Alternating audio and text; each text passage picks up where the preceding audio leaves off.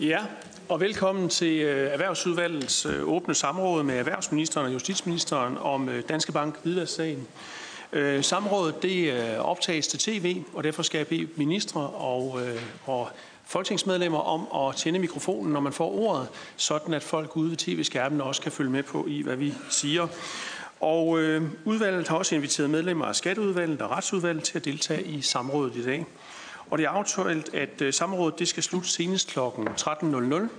Og øh, samrådsspørgsmålene de er stillet dels af Morten Pødskov fra Socialdemokratiet, der har stillet samrådsspørgsmål B til F, og Lisbeth Bæk Poulsen fra SF, som har stillet samrådets spørgsmål A. Og øh, inden ministerne får ordet til besvarelse af samrådsspørgsmålene, så vil jeg give de to spørger ordet for en motivation af deres samrådsspørgsmål. Og første spørger, der får ordet, det er Morten Bødskov, Socialdemokratiet. Værsgo. Tak for det. Og øh, tak til ministerne for, at øh, I øh, kan møde op og kan møde op øh, sammen her i udvalget. Der er stillet en række spørgsmål, jeg skal ikke gøre det meget langt, vi får lejlighed til at, at uddybe dem. Jeg vil bare sige, at øh, det centrale spørgsmål, det vedrører for vores vedkommende jo spørgsmålet om myndighedernes indsats i forhold til øh, Øh, den danske banks øh, hvidvaskskandale. Og øh, særligt spørgsmålet om myndighederne har benyttet sig af de øh, værktøjer, som myndighederne har. Øh, og det er jo blevet yderligere aktualiseret af, at vi jo her øh, sent inden samrådet har fået et svar, som jeg har stillet på spørgsmål 7 sendt over, hvor at øh, Finanstilsynet nu erkender, at man i de undersøgelser, man har foretaget, der har man stolet for meget på de oplysninger, som øh, den danske bank øh, afgav. Det synes jeg øh, sætter samrådet i et, øh, et nyt øh, og helt særligt lys. Så det har vi selvfølgelig tænkt os at, at høre ministeren om, hvad han mener baggrunden for den her erkendelse er, og hvor alvorlig den er. Så er der derudover spørgsmålet om forældelsesfrister, som vi også har talt om. Det er helt åbenlyst, at den redegørelse og den sag her jo øh, den redegørelse, som Danske Bank øh, selv har lavet, og sagen som sådan jo viser, at der er begået alvorlig økonomisk kriminalitet, har myndighederne de ressourcer, der skal til for at sikre, at forældelsesfristerne så at sige ikke indtræffer, øh, og der kan være folk, som kan have begået økonomisk kriminalitet, som går fri af det. Det er et helt centralt spørgsmål. Og så er vi jo noget overrasket over, at der ligger i Finanstilsynet en effektiviseringsanalyse, hvor det jo øh, skitseres, at der er et budgetreduktionspotentiale, som man formulerer det, på op til 10 procent. Og det vil vi gerne høre øh, i lyset af det pres, der er på Finanstilsynet, øh, hvad ministeren mener om. Skal der foregå øh, øh, besparelser i øh, Finanstilsynet? Hvad skal der ske med den her effektiviseringsanalyse? Og så til sidst, så har vi jo også inviteret justitsministeren, for sidst justitsministeren øh, var i dette lokale, der var der jo ingen grænse for, at hvis der var behov for ressourcer til øh, indsatsen, så øh, mødte, sådan tror jeg formuleringen var, justitsministeren gerne op øh, i forligskredsen og øh, bidrog til det, at øh, myndighedsindsatsen kunne blive stærkere. Men i de forhandlinger, vi har haft, der har ministeren ikke været til stede, øh, og derfor så har vi jo behov for at høre ministeren om, han stadig mener, der er behov for flere ressourcer til indsatsen. Noget kunne tyde på det, når man ser på de sagsmængder, der ophober sig. Øh, Øh, og vi har også lavet en aftale, som skitserer nogle nye initiativer og nogle skarpere værktøjer til Finanstilsynet og til Bagmandspolitiet, men hvor ressourcerne ikke er fundet endnu. Øh, og det vil vi selvfølgelig gerne høre ministeren, hvad han mener om. Det skulle være det. Tak. Ja, tak. Og den anden spørger, det er Lisbeth Poulsen fra Socialistisk Folkeparti, som nu kan motivere sit spørgsmål. Værsgo. Ja, tak. Og jeg kan tilslutte mig det, som øh, Morten Bødskov øh, også siger. Vi har også stillet en lang række skriftlige spørgsmål øh, ud over samrådsspørgsmålene. Og det drejer sig også, som, som, øh, som Morten Bødskov er inde på, om øh, hvad har processen i det her været, øh, og, og hvordan har, har Finanstilsynet ageret i det. Og et af de svar, øh, jeg har fået på et skriftligt spørgsmål, øh, spørgsmål 266, øh, jamen der, der spørger jeg ind til, hvorfor man øh, ikke gjorde øh, mere i forhold til øh, Finanstilsynets arbejde, om man var tilfreds med de oplysninger, man har fået. Øh, og, og i det øh, svar, vi har fået i dag, jamen, der, der blev det jo også beskrevet fra Finanstilsynet, man simpelthen stolede for meget på, på de oplysninger, man fik. I det spørgsmål, jeg havde stillet, der fik jeg det svar, at øh, Finanstilsynet blev ved med at spørge, altså om oplysninger, indtil tilsynet fik et dækkende svar. og, og det dækkende svar, det må vi konstatere i dag, at det var, det var ikke dækkende. Øhm, jeg spørger også om, hvorfor at øh, man ikke har, har lavet en inspektion, og der blev der også besvaret, at øh, man vurderede, at sagen var tilstrækkeligt belyst. Og det er altså i forhold til, til det, der ledte op til, til maj-rapporten. Jeg må bare sige, at siden maj, der har vi jo fået øh, utrolig mange oplysninger. Vi har også fået bankens egen undersøgelse, øh, som parentes bemærket gerne vil gentage igen, at det er jo øh, usædvanligt, at man står i en sag af den her kaliber, øh, og så skal afvente den, øh, parten i, i sagens egen, egen undersøgelse. Jeg ved også, at, at erhvervsministeren har sagt, at øh, sådan skal det selvfølgelig heller ikke være. Det er jo ikke den måde, vores retssamfund er, er bygget op på. Men, men vi har kun fået en lang række ekstra oplysninger, fordi at sagen fortsatte efter øh, maj øh, fra Finanstilsynet. Og, øh, og det, det, øh, det efter en række spørgsmål om, om vores tilsynsmyndigheder og hvordan der bliver arbejdet med det. Jeg har stillet et konkret spørgsmål til justitsministeren i forhold til øh, samarbejdet med æsterne. Der har været en artikel, øh, øh, hvor at ministeren er, er omtalt, som at har citeret, at at øh, ministeren øh, fortryder, har regrets, øh, og, og det er jo ikke noget, ministeren selv har været ude og, og sige, men jeg synes bare, det er interessant at høre øh, om, om den samtale, som ministeren har haft med sin estiske kollega. Hvad har der været diskuteret? Hvilke øh, samarbejde er der? Og, og hvad er det, at øh, hvis det er korrekt, at, øh, at der er blevet udtalt de her ting, hvad er det så? Hvilke regrets er der tale om? Hvad er det, vi, vi fortryder på, på Danmarks vegne? Tak. Ja, tak til spørgerne. Og så vil jeg overlade ordet til ministerne for besvarelse. Og jeg har forstået, at besvarelserne vil ske i følgende rækkefølge. B er stillet til erhvervsministeren, C er stillet til justitsministeren, spørgsmål D til F er stillet til erhvervsministeren, og samrådsspørgsmål A og så D til F er stillet til justitsministeren. Så jeg starter med at give ordet til erhvervsministeren. Værsgo. Mange tak for det, og øh, tak for invitationen til samrådet i dag. Det er naturligt og også sundt, at der er stor bevågenhed om den her øh, meget alvorlige sag fra øh, Folketingets side. Det er jeg glad for. Og øh, jeg vil starte med lige at gå øh, lidt uden for manuskript i forhold til de spørgsmål, som er stillet skriftligt, og lige besvare det spørgsmål, som øh, blev rejst her øh, af Morten Bødskov i forhold til det svar, der er sendt over til Folketinget, så er det vigtigt at forstå, at det, som Finanssynet har sagt, og som jeg har sendt over til Folketinget i dag, er der ikke noget nyt i. Finanssynet har flere gange tidligere erkendt, at de har fået nogle advarsler om, at der foregik noget, der ikke skulle foregå i Danske Bank. De har primært reageret på det ved at få øh, Danske Banks svar tilbage, hvor Danske Bank har sendt betryggende svar til Finanstilsynet, og det har øh, Finanstilsynet så stolet for meget på. Det har Finanstilsynet selv været ude at sige øh, flere gange, og derfor er der ikke noget nyt i det, jeg har sendt over til, øh, til Folketinget i dag. Og det handler ikke om øh, majundersøgelsen, det handler om det tidligere forløb med de øh, advarsler, som har været om, hvad der foregik i Danske Bank i øh, Estland. Bare så vi er helt enige om, hvad øh, der er, der blevet sendt over til, øh, til Folketinget i dag. I forhold til øh, samrådsspørgsmålene, så har udvalget bedt øh, justitsministeren mig om at besvare spørgsmål øh, B og C, før vi besvarer de øh, resterende spørgsmål. Jeg vil starte med at besvare spørgsmål øh, B, og så vil jeg med formandens tilladelse overlade ord til justitsministeren.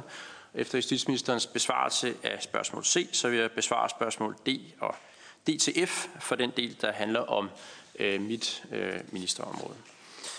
I spørgsmål B spørges der til, om regeringen vil gennemføre en effektivisering i Finanssynet som følge af budgetanalysen af Finanssynet. Og øh, det kommer an på, hvad man mener med effektivisering.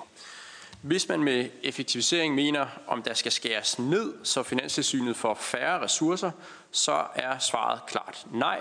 Finanssynet vil ikke få færre ressourcer.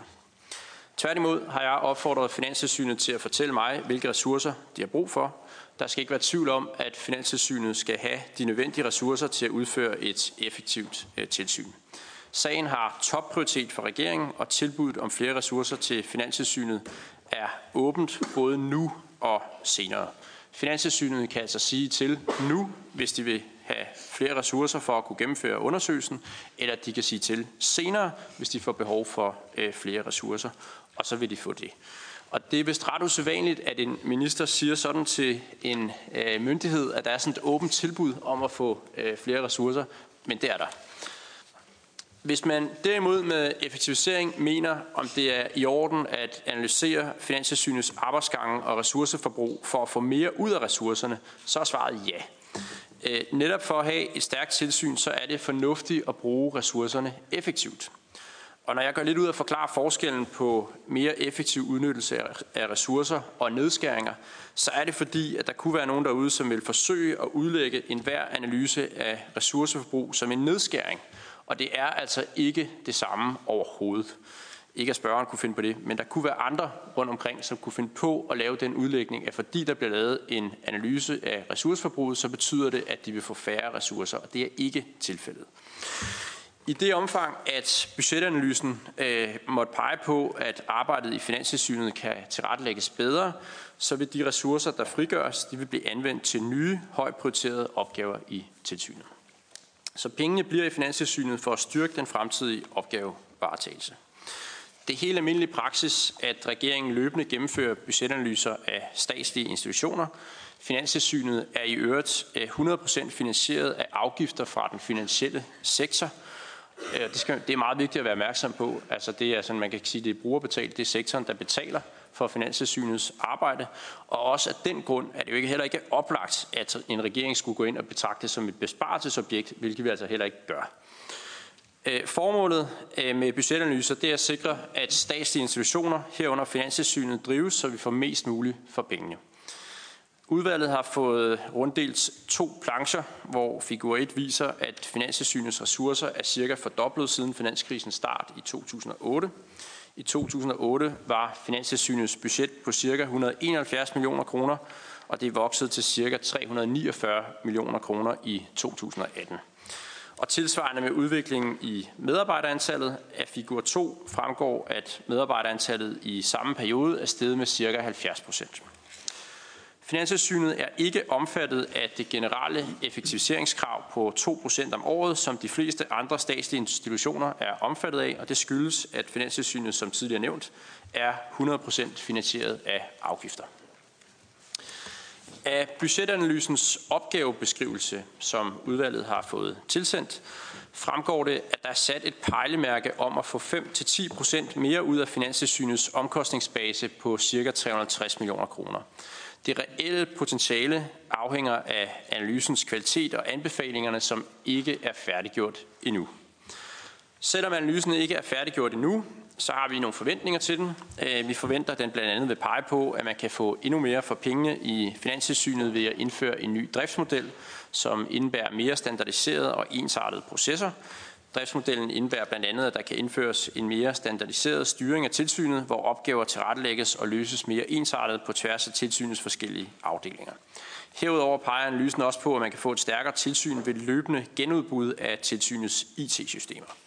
Og det går jeg ikke ud fra, at der er nogen, der kan være øh, modstander af. Det var spørgsmål B for mit vedkommende, og så, øh, ja, det er jo formanden, der kan gå videre, men så var det meningen, at justitsministeren skulle besvare spørgsmål C. Ja, tak for besvarelsen, og så netop giver jeg ordet videre til justitsministeren for besvarelse af spørgsmål øh, B. Tak. Nej, C. Undskyld. Ja, tak for det. Jeg vil også gerne tak for invitationen til at komme og følge op på, på sagen om, om hvidvask i, i Danske Banks estiske filial. Det er jo en, en meget alvorlig øh, sag, som man jo skal anstrenge sig at have to holdninger til. Og ifølge de seneste oplysninger i, i medierne, så har det jo til syden et helt ufatteligt stort øh, omfang, og derfor er det også rigtig godt, at, og helt afgørende, at sagen undersøges øh, med de nødvendige midler for at komme til bund til den. Som jeg nævnte under samrådet den 15. august, så er jeg også tilfreds med, at statsadvokaten for særlig økonomisk kriminalitet og international kriminalitet, SØK, har indledt en egentlig strafferetlig efterforskning af, hvorvidt Danske Bank har overtrådt den danske hvidvasklov. Jeg vil gå direkte til spørgsmål C, hvor der spørges, om der er i gang sat budgetanalyser af SØIK, og om der er planer om besparelser på SØJKs budget. Til det er svaret kort og godt et nej. Jeg kan garantere for, at øh, vi kommer ikke til at spare på SØJKs budget, og jeg kan oplyse, at der ikke er i gang sat en budgetanalyse af SØIK. Regeringen har fokus på området. Det er kommet til udtryk ved, at der er tilført hvidvasksekretariatet i Søjk seks års værk, hvoraf de fire kommer fra andre områder hos Rigsadvokaten. De to sidste er fundet ved interne omprioriteringer i Søjk. Og derover så styrkes sekretariatets teknisk kapacitet ved, at sekretariatets efterforskning og analysedatabase øh, kobles til politiets analyseplatform Polen til. Så kan jeg oplyse, at Rigsadvokaten her er Søjks økonomi er omfattet af den nuværende flereårsaftale om politiets og anklagemyndighedens økonomi, og den løber som sagt frem til, eller som alle ved, øh, til udgangen af, af 19. Og de økonomiske rammer for, for politi og anklagemyndighed efter 2019 fastlægger vi jo så i forbindelse med en ny flereårsaftale til, til næste år. Til den tid skal vi selvfølgelig også se på Rigsadvokaten og Søjks fremtidige øh, rammer. Det var øh, svar af spørgsmål C, og så er det ordet tilbage til, til erhvervsministeren. Ja, tak til justitsministeren, og så giver jeg ordet til erhvervsministeren besvarelse af spørgsmål DTF. Værsgo. Tak. I spørgsmål D bliver spurgt til, hvordan danske myndigheder tilrettelægger undersøgelserne af hvidvasksagen i Danske Bank herunder samarbejde med andre landes myndigheder og europæiske samarbejdsforer. Og jeg vil understrege, at det er afgørende, at myndighederne kommer til bunds i sagen. Som bekendt har Finanstilsynet besluttet at genåbne undersøgelsen af Danske Banks ledelse og styring i hvidvasksagen i den estiske filial på baggrund af de nye oplysninger, som er kommet frem de seneste måneder. Finanstilsynet vil gennemgå konklusionerne og andet relevant materiale fra såvel Danske Banks egen undersøgelse samt yderligere materiale, som er kommet frem efter Finanstilsynets afgørelse i maj i år, med henblik på at vurdere, om der kan gøres et ansvar gældende over for Danske Bank, om der i øvrigt er grundlag for nye tilsynsreaktioner. I forhold til undersøgelsen af sagen har Finanstilsynet oplyst, at tilsynet har et godt og tæt samarbejde med Søjk, og at Finanstilsynet i den forbindelse har stillet et omfattende materiale til rådighed for Søjk, ligesom der selvfølgelig er løbende drøftelser mellem de to myndigheder om sagen. Finanstilsynet er også i forbindelse med undersøgelsen i kontakt med det estiske finanstilsyn. I forhold til det generelle samarbejde mellem Finanstilsynet og udenlandske myndigheder, kan jeg oplyse, at der er oprettet et tilsynskollegium for Danske Bank, hvor tilsynsmyndighederne fra de lande, hvor Danske Bank driver virksomhed, mødes for at drøfte tilsynsmæssige spørgsmål. Tilsynskollegiet udveksler information og koordinerer tilsynsmæssige opgaver på tværs af de relevante tilsynsmyndigheder. Derudover har Finanssynet etableret et særskilt hvidvaskkollegium, hvor tilsynsindsatsen i forhold til forebyggelse af hvidvask og terrorfinansiering i Danske Bank drøftes. Tilsynskollegiet bidrager til at opnå et tæt samarbejde mellem Finanssynet og de øvrige landes myndigheder, hvor de holder hinanden orienteret om relevante aktiviteter, informationer med videre. Tilsynskollegiet vil blive involveret i forbindelse med Finanssynets genåbning af undersøgelsen om Danske Banks ledelse og styring i videre i den estiske filial.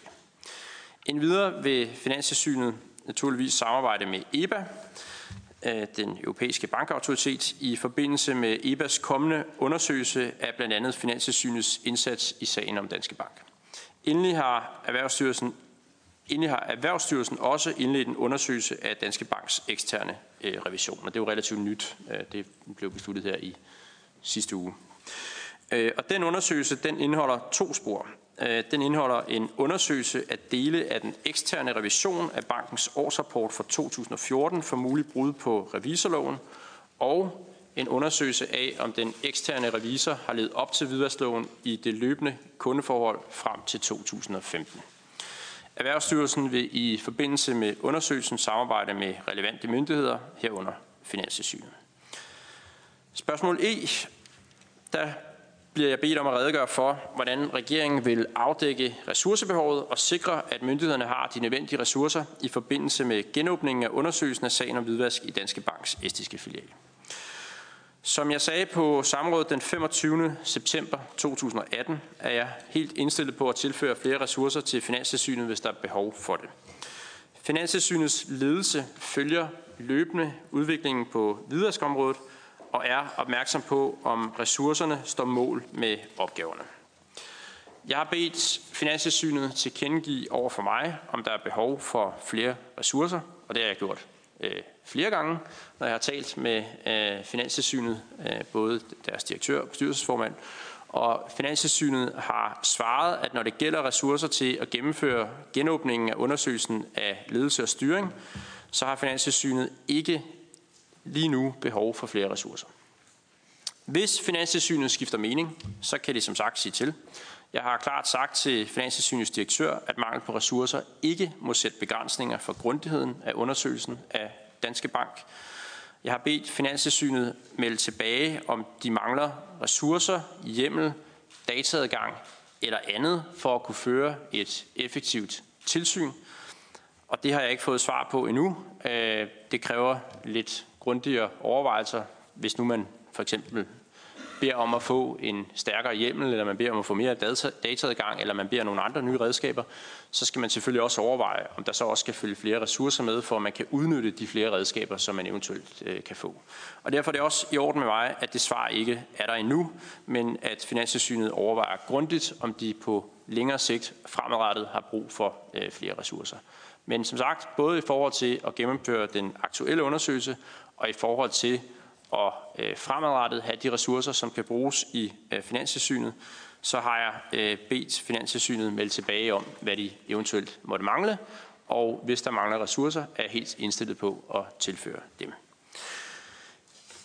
Så er der spørgsmål F. Øhm, det handler om forældelsesregler. Øh, hvilke forældelsesregler er relevante i forhold til sagen om hvidvask i Danske Bank?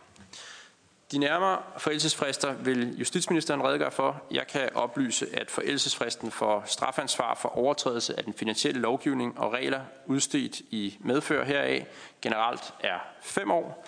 Det gælder også for overtrædelser af hvidvaskloven. Jeg kan også oplyse, at Finanssynet er fuldt opmærksom på forældelsesfristerne i sagerne. I forhold til fit and proper vurderinger, så er der ingen forældelsesfrist for de oplysninger, som Finanssynet kan lægge til grund. Vægtningen af en eventuelt uforsvarlig adfærd af de mennesker, som skal fit and proper vurderes, vil gradvist aftage.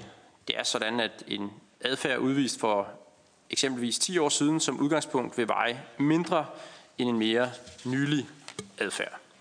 Der er ikke nogen fast norm for det, øh, men det vil bero på en konkret vurdering i øh, den enkelte sag, men der er altså ikke nogen øh, forældelsesfrist som sådan. Og med de bemærkninger, så øh, var det min besvarelse af spørgsmålet. Ja, tak til erhvervsministeren. Og så giver jeg ordet til justitsministerens besvarelse af spørgsmål A og spørgsmål D til F. Værsgo. Mange tak. Jeg vil øh, besvare de resterende spørgsmål samlet. I forhold til den første del af spørgsmål A og spørgsmål D, der handler om tilrettelæggelsen af sagens øh, undersøgelse og samarbejde med de estiske myndigheder, så kan jeg oplyse, at Søjk igennem længere tid har fulgt sagen om hvidvask i Danske Banks øh, estiske filial. Søjk har oplyst, at der i forsommeren 2018 blev indledt et samarbejde med de estiske myndigheder om sagen vedrørende Danske Bank og bankens estiske filials håndtering af såkaldte non-resident kunder. I den forbindelse blev der på dansk initiativ sidst i juni 2018 afholdt et koordinationsmøde i regi af Eurojust med deltagelse af efterforskere og anklager fra Estland og Danmark. Den 6. august 2018 oplyste Søjk som bekendt offentligt, at man havde indledt en efterforskning af Danske Banks mulige overtrædelse af hvidvasklovens regler. Efterforskningen, som stadig baserer, har til formål at tilvejebringe oplysninger til brug for afgørelsen af, om der fra dansk side kan gøres et strafferetligt ansvar gældende over for Danske Bank som virksomhed og eventuelt over for enkeltpersoner. I forhold til efterforskning af sagen har Søjk oplyst, at Søjk har en dialog og samarbejde med en række myndigheder, både nationalt og internationalt, med henblik på at koordinere undersøgelsen af sagen. I myndighedssamarbejdet, som blandt andet omfatter de estiske myndigheder, øh, indgår drøftelser af politifaglig, øh, økonomifaglig, juridisk og strategisk karakter. Samarbejdet med de estiske myndigheder er den 13. september 2018 formaliseret i en såkaldt JIT-aftale, Joint Investigation Team, om myndighedernes samarbejde og udveksling af oplysninger af hvidvasksagen mod Danske Bank. Aftalen omfatter for tiden alene Danmark og Estland, men Søjk har anmodet den danske repræsentant Eurojust om at orientere de øvrige repræsentationer i Eurojust om øh, efterforskning mod Danske Bank og opfordrer lande der måtte have interesse i sagen mod Danske Bank som følge af en konkret efterforskning til at henvende sig med henblik på samarbejde og eventuel tilslutning til aftalen. Desuden har Søjk oplyst, at Søjk er i færd med at undersøge om og i hvilket omfang de amerikanske myndigheder har indledt undersøgelser mod Danske Bank, om der i givet fald bør etableres et samarbejde. Herover er Søjk fortsat i gang med at gennemgå materiale modtaget fra Finanstilsynet og fra Danske Banks interne undersøgelse, der sammen med en række andre oplysninger indgår i efterforskningen af sagen. I forhold til den anden del af spørgsmål A om artiklen i de estiske medier vedrørende en samtale øh, mellem øh, mig og den estiske justitsminister, kan jeg oplyse, at jeg den 24. september 2018 havde en telefonsamtale med min kollega fra Estland.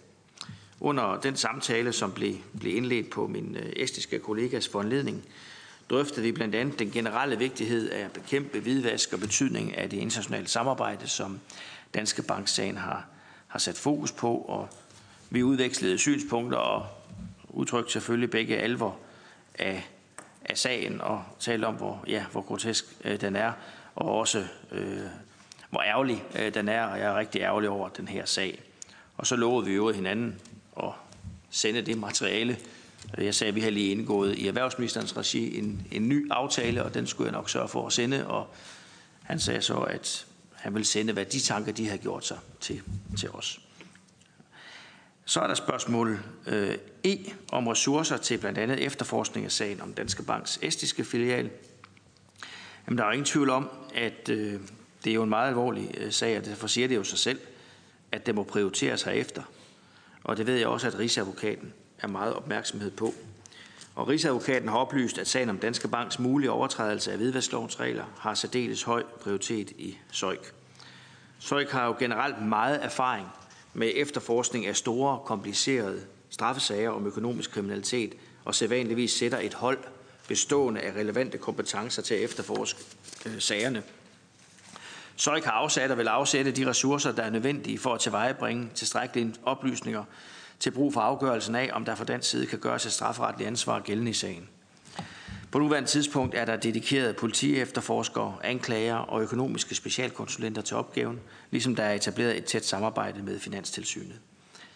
De afsatte ressourcer afspejler den øh, fase, som efterforskningen aktuelt befinder sig i, og der vil ske en løbende tilpasning af de nødvendige ressourcer og kompetencer internt i Søjk i takt med sagens videre udvikling. Rigsadvokaten har oplyst, at Søjk selvsagt, særligt i relation til denne alvorlige sag, har fokus på, at de rette kompetencer og tilstrækkelige ressourcer er til stede i hele sagens behandling. Rigsadvokaten har også oplyst, at hvis anklagemyndigheden undervejs måtte vurdere, at der ikke er tilstrækkelige eller de rette ressourcer til sagen internt i anklagemyndigheden, så vil Rigsadvokaten tage kontakt til Justitsministeriet. Som svar på det sidste spørgsmål, spørgsmål F, om tilrettelæggelsen af arbejdet med sagen i lyset af forældelsesregler, så kan jeg oplyse, at strafansvaret over for, eller for overtrædelse af den danske hvidvalgslov, både den gamle og den nye fra sidste år, forældes efter fem år. Fra før 2012 var fristen kun to år. Hvidvask efter straffeloven, altså hvor der tale om hæleri og ikke blot overtrædelse af hvidvasklovens mere formelle regler, forældes efter 5 eller 10 år. Hvidvask af særlig grov beskaffenhed forældes efter 10 år, og hvidvask, der ikke er af særlig grov beskaffenhed, forældes efter 5 år. Det følger af de almindelige forældelsesregler i straffeloven, som tager udgangspunkt i strafferammerne for de enkelte typer forbrydelser. I forhold til mulighederne for konfiskation af udbytte fra en strafbar handling er forældelsesfristen 10 år. Forældelsesfristen regnes som udgangspunkt fra gerningstidspunktet, det vil sige fra den dag, hvor de strafbare handlinger øh, ophørte. Uanset om der er tale om en overtrædelse af hvidvaskloven eller straffelovens hælderibestemmelse, så afbrydes forældelsesfristen, når den pågældende virksomhed eller person sigtes og gøres bekendt med sigtelsen, eller når der anmodes om øh, rettergangsskridt, for eksempel ved at anmode retten om en øh, rensagningskendelse, øh, hvorved den pågældende anses forsigtet for overtrædelsen. Når det kommer til sagen om Danske Bank, herunder til rettelæggelsen af efterforskningen og den ressourcemæssige prioritering, er Søjk, som nævnt under samrådet den 15. august, fuldt ud opmærksom på forældelsesfristerne i sagen. Afslutningsvis vil jeg gerne igen understrege, at regeringen ser med stor øh, alvor på udfordringerne med, med hvidvasker. Der er som bekendt taget en, en række skridt som led i de politiske aftaler på området, senest med aftalen den, den 19. september og den samtidige lancering af den nationale strategi til bekæmpelse af hvidvask og terrorfinansiering. Tak. Ja, tak til justitsministeren og erhvervsministeren for besvarelse, og så giver jeg ordet til de to spørgere. Først er der Morten Bødskov, Socialdemokratiet. Værsgo. Tak for det. Det er uden tvivl en øh, meget alvorlig sag, øh, vi sidder med, og det er selvfølgelig også derfor, at det er yderst relevant for erhvervsudvalget at finde ud af, hvordan den er blevet håndteret af de myndigheder, som jo har ansvaret for at håndtere en sag som den her. Øh, og, øhm, og øh, det er derfor, vi selvfølgelig har indkaldt til samråd, og det er derfor, vi interesserer os øh, nøje for, hvad står der i grund i de svar, som der bliver sendt over. Øh, og erhvervsministeren starter så med at afvise at øh, svaret øh, på spørgsmål 7 til mig, hvor øh, Finanstilsynet erkender, at tilsynet, altså Finanstilsynet, stolede for meget på de oplysninger, øh, som den danske bank øh, afgav, har noget som helst med øh, maj-redegørelsen at gøre fra øh, Finanstilsynet. Det overrasker mig lidt, øh, fordi øh, det er jo det, vi har spurgt til, hvis man læser spørgsmålet. Altså, så er der jo spurgt til, om Finanstilsynet har benyttet de muligheder, man har øh, efter hvidvaskloven og lov om finansiel stabilitet for at indhente alle nødvendige oplysninger øh, til at, at undersøge den danske banks ledelse og ledende medarbejders rolle i hvidvasksagen i Øh, bankens estiske filial. Lige nøjagtigt det er det, rapporten handler om fra Finanstilsynet. Så derfor forstår jeg ikke rigtigt, at man laver den der skillelinje. Og jeg forstår det heller ikke, når man så ser på, hvad der så bliver svaret fordi man henviser i øh, svaret til den undersøgelsen, undersøgelsen, skriver man, af den danske bank. Det må jo nødvendigvis være den rapport, der er lavet. Øh, og øh, i andet sidste afsnit, der skriver man så, at i forbindelse med genåbningen af undersøgelsen, det må jo nødvendigvis forstået som, at man vil genåbne den undersøgelse, man har lavet i øh, maj måned. Ellers så forstår jeg ingenting af det. Det kan være, det er mig, men jeg synes, det virker øh, temmelig underligt. Øh, anyway, hvis vi kigger på, hvad der står, så synes jeg, at det centrale spørgsmål det er, øh, hvorfor mener erhvervsministeren, at Finanstilsynet har stolet for meget på de oplysninger, man fik fra den danske bank? Hvorfor bringer Finanstilsynet sig i en situation, hvor man stoler, og man indrømmer, man stoler for meget på de oplysninger, man får fra øh, den danske bank, som man undersøger for alvorlig hvidvask? Ja, tak til Morten Mødeskov. Så er det Lisbeth Bæk Poulsen, SF. Værsgo. Ja, tak. Øhm, og netop de her spørgsmål er noget, vi har vendt på, på mange samråd efterhånden. Øhm, hvordan øh, vores øh, tilsynsmyndigheder forholder sig over for en bank, der er øh, så stor som, som Danske Bank øh, er. Både øh, formelt i forhold til de værktøjer, der er, og, og også den kultur, der måske øh, er. Og det er også derfor, nogle af de spørgsmål, jeg har stillet, har handlet om, jamen, hvilke værktøjer er der netop? Altså spurgt ind til, hvorfor var der ikke en inspektion? Øh, nu ved jeg godt, det er på ingen måde sammenligneligt, men hvis man har en øh, kraftig mistanke om, at en fødevarevirksomhed, at der er problemer med listeria eller andre øh, virkelig sundhedsskadelige ting, så går man, så går man ind, lukker det ned, siger, at vi skal have undersøgt alt til bunds. Øhm, så det virker som om, at her har vi en vagthund ved en bank, hvor at, altså, i de mest dramatiske scenarier kan vælte hele den danske økonomi, øh, og så bruger man ikke de værktøjer, der er til stede.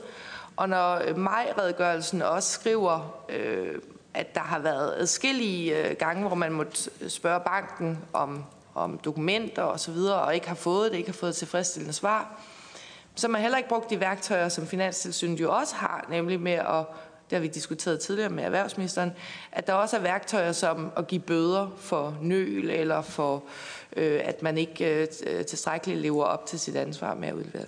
Så det er nogle af de ting, vi gerne vil spørge ind, eller, øh, spørge ind til i dag igen. Så har jeg sådan nogle konkrete øh, spørgsmål øh, til justitsministeren. Øh, Justits, øh, Søj gav under justitsministerens ressort. Og når vi taler ressourcer, så øh, vil jeg gerne spørge justitsministeren om, han kan forstå, at det intuitivt virker mærkeligt for os, at de, der er den samme arbejdsmængde eller de samme arbejdsopgaver før Danske Bank-sagen og efter. Når jeg spørger på den måde, så er det jo selvfølgelig fordi, at vi får det svar, at der er ikke, mangel, eller der er ikke brug for, for yderligere ressourcer her og nu. Og det tænker jeg bare, jamen det her det er jo den, den største sag, øh, vi overhovedet har, har set øh, i, i Danmark, og, og der pågår en efterforskning, og hvordan kan der være brug for det samme årsværk eller de samme øh, opgaver før Danske Bank-sagen og efter. Og jeg vil gerne stille det samme spørgsmål til øh, Øh, erhvervsministeren også, og jeg ved, at erhvervsministeren har spurgt Finanstilsynet. Det stoler jeg også på. Men kan, finansminister, kan, kan, erhvervsministeren, kan erhvervsministeren forstå, at det intuitivt ikke giver nogen mening, at der skulle være brug for de samme årsværk, at der er de samme opgaver, den samme tyngde i opgavevaretagelsen før Danske Bank-sagen og efter. Tak. Ja, tak til spørgerne, og der er spørgsmål til begge ministre, så starter med at give ordet til erhvervsministeren. Værsgo. Øh, tak. Og for at starte med det sidste, så øh, kan jeg sagtens forstå, at det intuitivt virker øh, underligt, hvis Finanstilsynet ikke har behov for flere ressourcer. Og det er også derfor, jeg har spurgt dem efterhånden mange gange, om ikke de har brug for flere ressourcer. Og, øh, og som sagt er der et åbent tilbud om, at, øh, at det kan de få i det omfang, der er behov for det. Altså jeg har bedt om en, en, øh, en grundig redegørelse øh, af øh, forløbet, øh, og hvilke nye værktøjer Finanssynet har behov for. Om de har brug for mere hjemmel, om de har brug for mere dataadgang, om de har brug for andre redskaber, og om de har brug for flere ressourcer for at kunne være et effektivt øh, så effektivt tilsyn som muligt. Fordi jeg øh, tænker i ret høj grad på samme måde som øh, Lisbeth Bæk Poulsen, at øh, jeg synes også, der er et problem her med, at Finanssynet i høj grad øh, fører tilsyn ved at spørge bankerne, og så få svar tilbage. Og derfor så øh, har jeg også øh, spurgt Finanssynet om, hvordan kommer vi ud over den situation, så vi ikke igen en anden gang kommer til at stå i sådan en situation, hvor man får nogle forkerte svar tilbage fra en bank, og så at øh, der ikke sker mere i en sag. Øh, fordi det fremstår for mig i hvert fald som en, en central problemstilling i det her forløb, at der har været nogle advarsler. Øh, dem har Finanstilsynet ikke siddet overhørig, men de har reageret på dem ved at spørge Danske Bank, hvordan tingene står til. Så har de fået nogle svar tilbage, og de svar ser ud til at have været forkerte, og har vildledt Finanstilsynet. Og så er sagen øh, stoppet der, øh, i hvert fald i et ret langt stykke tid. Og den situation skal vi undgå at komme i igen. Og det er derfor, jeg har bedt Finanssynet om at redegøre for, hvad kan man lære af det forløb, og hvordan kan man undgå, at de samme situationer opstår igen, og hvad skal der til ud fra de erfaringer, som har været med den her sag, og ud fra Finanssynets øvrige viden om, hvordan man fører et effektivt tilsyn, hvad skal der så til, for at de kan udføre deres arbejde så godt som muligt. Så øh, jeg har øh, mange af de samme tanker, som øh, Lisbeth Bæk Poulsen har, og øh, jeg glæder mig meget til at få svar tilbage fra øh, Finanssynet om, at vi kan lære hele det her forløb. Og øh, så øh, tror jeg, vi skal tale sammen, også i øh, forligskredsen, om hvad vi så kan gøre for at styrke øh, tilsynet, når vi når øh, dertil. Men, øh, men den redegørelse, den, er ikke, øh, altså det, den, den skal laves grundigt, og øh, og derfor er det heller ikke noget, der sådan lige kommer i, øh, i næste uge. Det vil lige tage øh, nogle måneder. Øhm, Morten Bødskov spørger øh, igen ind til spørgsmål 7, som er blevet oversendt her i, øh, i dag. Jeg tror, jeg godkendte det i går aftes. Og øh, jamen, hvis der er nogen tvivl om, hvad der menes med svaret, så er det jo rigtig godt, at vi har et samråd, så vi kan tale om det og få afklaret, øh, hvad det er præcis, som er, øh, er foregået. Og øh, øh, det, som altså, jeg, jeg ved ikke, om jeg kan tilføje så meget øh, til det, jeg sagde før. Altså, når Finanstilsynet har sagt tidligere, at de har stolet for meget på øh, Danske Banks svar, også som jeg netop redegør for til, øh, til Lisbeth Bæk Poulsen, jamen så er jeg enig i den vurdering. Og, og derfor, når, når Morten Bødskov spørger, hvorfor øh, mener jeg, at øh, Finanstilsynet har stolet for meget på Danske Banks svar, jamen, så er det sådan set grundlæggende, fordi det mener Finanstilsynet også selv.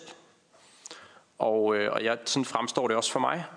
Øh, når man kigger på sagsforløbet, så fremstår det også for mig på den måde, som Finanstilsynet også selv opfatter sagen på, at øh, man har stolet for meget på de svar, der kommer tilbage til Danske Bank, og, øh, og derfor så er man ikke øh, tidligt nok kommet til bunds i, øh, i sagen. Og, øh, og der, det er jo så netop derfor, det skal vi lære af, og der skal vi så finde ud af, hvordan undgår vi så, at vi en anden gang kommer i den situation. Hvad er det så, der skal til af værktøjer i Finanssynet? Hvad skal der til af hjemmel og ressourcer for at undgå, at vi øh, kommer i sådan en situation øh, igen? og vi lærer af det forløb, som har været her. Og der er, altså der er, der er jeg jo rigtig glad for, at Finanssynet øh, også øh, selv kan se, at der har været ting i forløbet her, som ikke har været optimale, så man netop kan få øje på nogle læringspunkter, for det vil jo være meget forkert, hvis man har haft et forløb som det her, hvor en hvidvasksag af det her omfang har kunne foregå så længe, hvis man så ikke lært noget af den. Og der synes jeg, det, det, det er meget positivt, at Finanssynet øh, blandt andet har gjort opmærksom på, at der er blevet stolet for meget på de oplysninger, som er blevet givet undervejs, og at det er noget, man skal lære noget af og forbedre og sørge for ikke kommer til at gentage sig i øh, fremtiden. Så det er jeg sådan set glad for, at, øh, at Finanssynet har øh, selv øh, bragt på banen, og ser som sagt frem til en mere grundig redegørelse for hele forløbet fra Finanssynet. Ja, tak til erhvervsministeren, og så er det justitsministeren. Værsgo. Ja, tak for det. Jeg kan sådan set godt forstå resonemanget bag uh, Lisbeth Bæk Poulsens uh, spørgsmål. Det er også vigtigt at sige, at Søjk er jo sat i verden for at kunne håndtere meget store økonomiske sager. Øhm, og derfor er det ikke uvandt for dem, at de skal sammensætte altså et efterforskningsteam med relevante kompetencer for at sikre øh, sådan den nødvendige fremdrift i de her øh, store sager. Øh, og derfor ved jeg også, at Rigsadvokaten er meget opmærksom på ressourcespørgsmålet, og at indsatsen prioriteres i forhold til de nødvendige kompetencer. Og så er det måske også vigtigt at sige, altså det er for, sådan for, for min del af det her, at Søjks fokus er jo på, om der kan gøres et strafferetligt ansvar. Øhm, og det er jo en anden opgave, end, end for eksempel en advokatundersøgelse, der skal kortlægge og, og belyse alt, hvad der er foregået i en virksomhed øh, på et bestemt, øh, en bestemt del i en tidsperiode osv. Så, videre. så det, det er der et, øh, et fokus på. Og, og så er der også noget helt, for mig noget helt principielt i det. Øh, altså, jeg kommer ikke til i den her sag, eller, eller i nogen som helst anden øh, sag, der vedrører anklagemyndigheden, at have en holdning til, hvor mange års værk skal bruges på efterforskning. Altså, øh, det vil være meget usædvanligt, og jeg tror ikke, der er nogen i det her lokale, der kan give et kvalificeret bud på, hvor mange års værk skal de bruge på efterforskning. Det har vi jo, må vi have en tillid til, at det har de, øh, at det har de styr på, hvor mange der skal bruges. Men det er også derfor, jeg sagde så klart i min tale, at jeg forsøgt på det at sige, at der er ikke øh, nogen som helst tvivl om, at, øh, at Rigsadvokaten har fokus på den her sag, og der selvfølgelig er en forventning om, at det ansvar tager man på sig hos Rigsadvokaturen. Og skulle det vise sig, at der er udfordringer her for, for Søjk, som jo jeg hører under Rigsadvokaten, ja, så får vi selvfølgelig i ministeriet øh, en melding om det. Det er meget, meget vigtigt for mig at sige. Men, men jeg, jeg synes bare ikke, at jeg sådan savligt kan sige noget om, så mange års værk skal der bruges på en efterforskning. Men at der skal være de års værk til rådighed for, at man kan lave den efterforskning, det står uden for nogen diskussion. Ja tak. Så åbner vi op for øh, spørgsmål fra øh, de øvrige udvalgsmedlemmer. Og første spørger, det er Peter Hummelgaard Tom.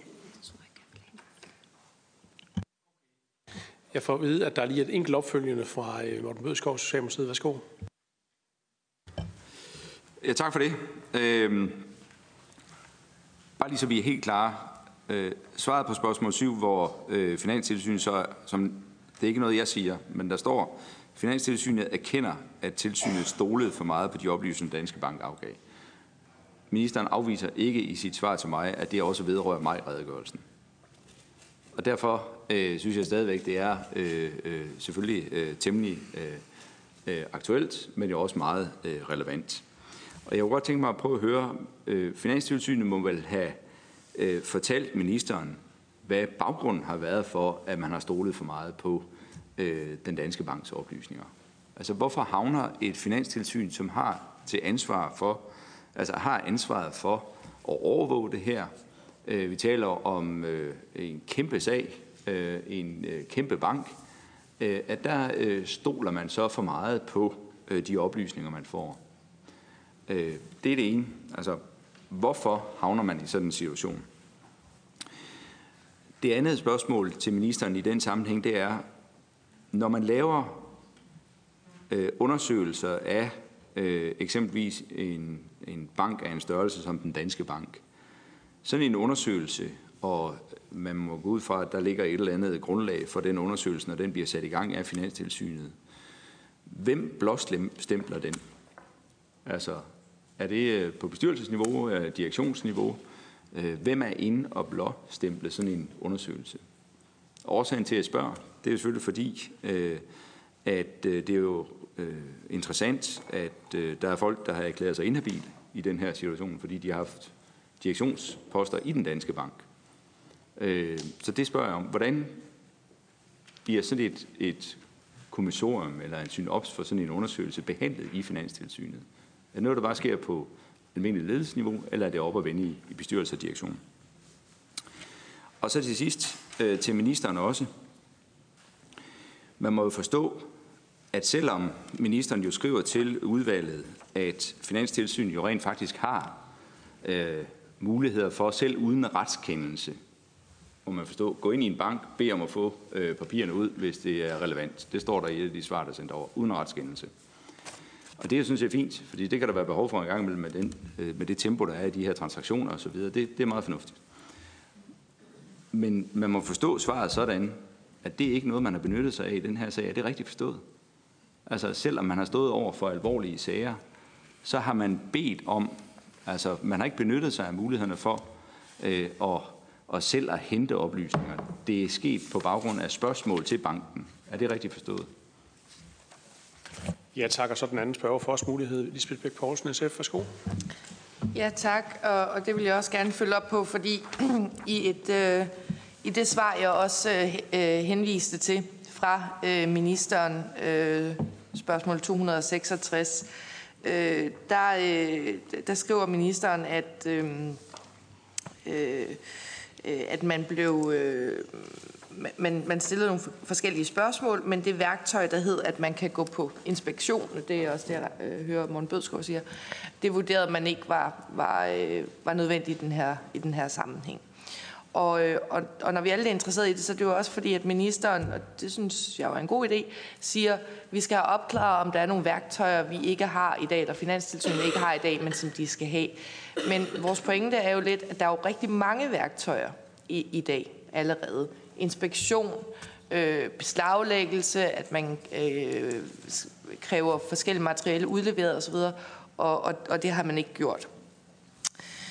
Så har jeg øh, et andet spørgsmål også til, øh, til justitsministeren øh, om netop øh, Finanstilsynets rolle, og det er jo øh, blandt andet også at vurdere de her fit and proper regler.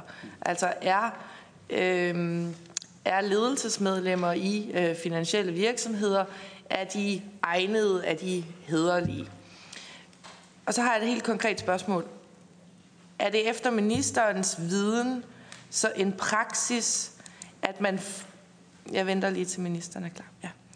Er det efter ministerens viden en praksis i Finanstilsynet, at hvis nogen forlader deres post, så forfølger man ikke den sag yderligere? Der, nu skal jeg det ud i pap for, for måske eventuelt seere hvis man ved, at man har en, en, en topleder i sin virksomhed, som kunne få det stempel, at man ikke var fit and proper, at man ikke var hederlig, at man ikke var egnet, så kan den person trække sig, få det, nogen vil kalde gylden håndtryk, og så får, indleder man ikke en fit and proper sag. Så får man ikke det stempel, som kan have betydning. Er det efter ministerens viden en praksis, at det foregår i den finansielle sektor, at man ved, at det er på vej, og så kan man forlade sin post øh, uden de konsekvenser, øh, og så, øh, så sker der ikke mere. Hvis ministeren ikke, jeg ved ikke, om jeg har forklaret det tydeligt nok. Tak. Ja, tak. Og spørgsmålet de retter sig jo primært til erhvervsministeren, så erhvervsministeren til besvarelse.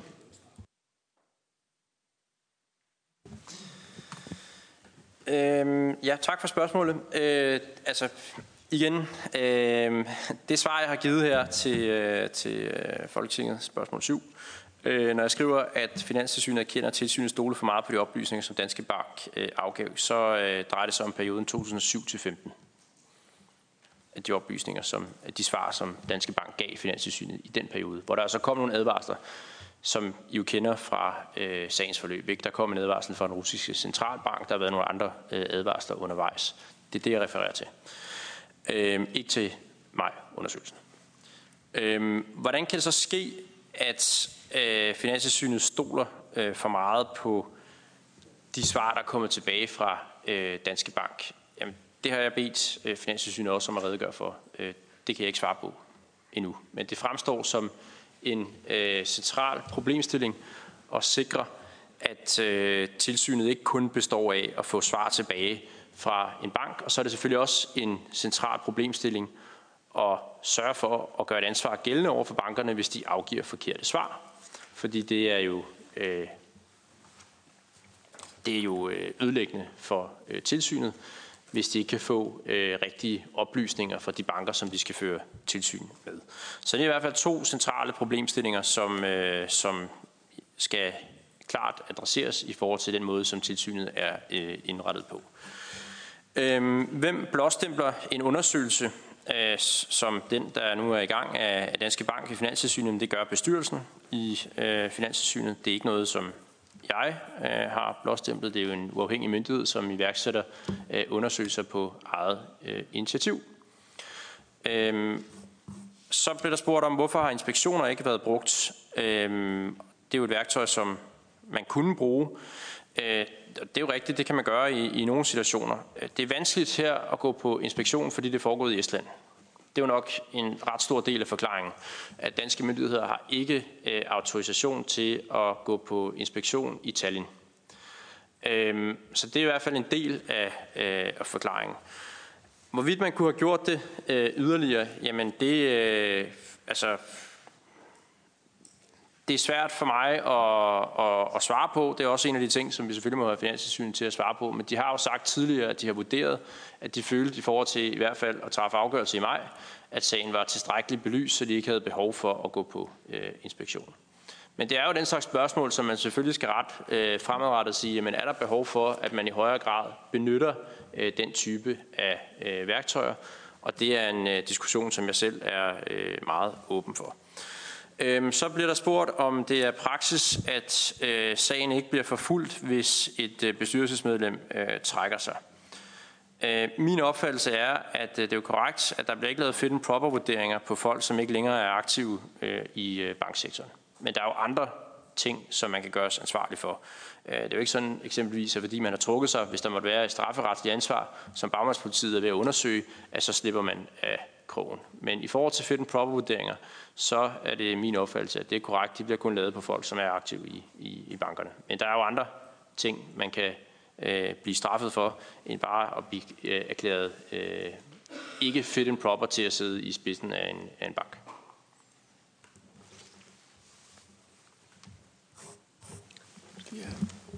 Ja, tak til erhvervsministeren. Og så går vi ud til at øh, de øvrige udvalgsmedlemmer kan stille spørgsmål, og det er først Peter Hummelgaard Thomsen, Socialdemokratiet. Værsgo.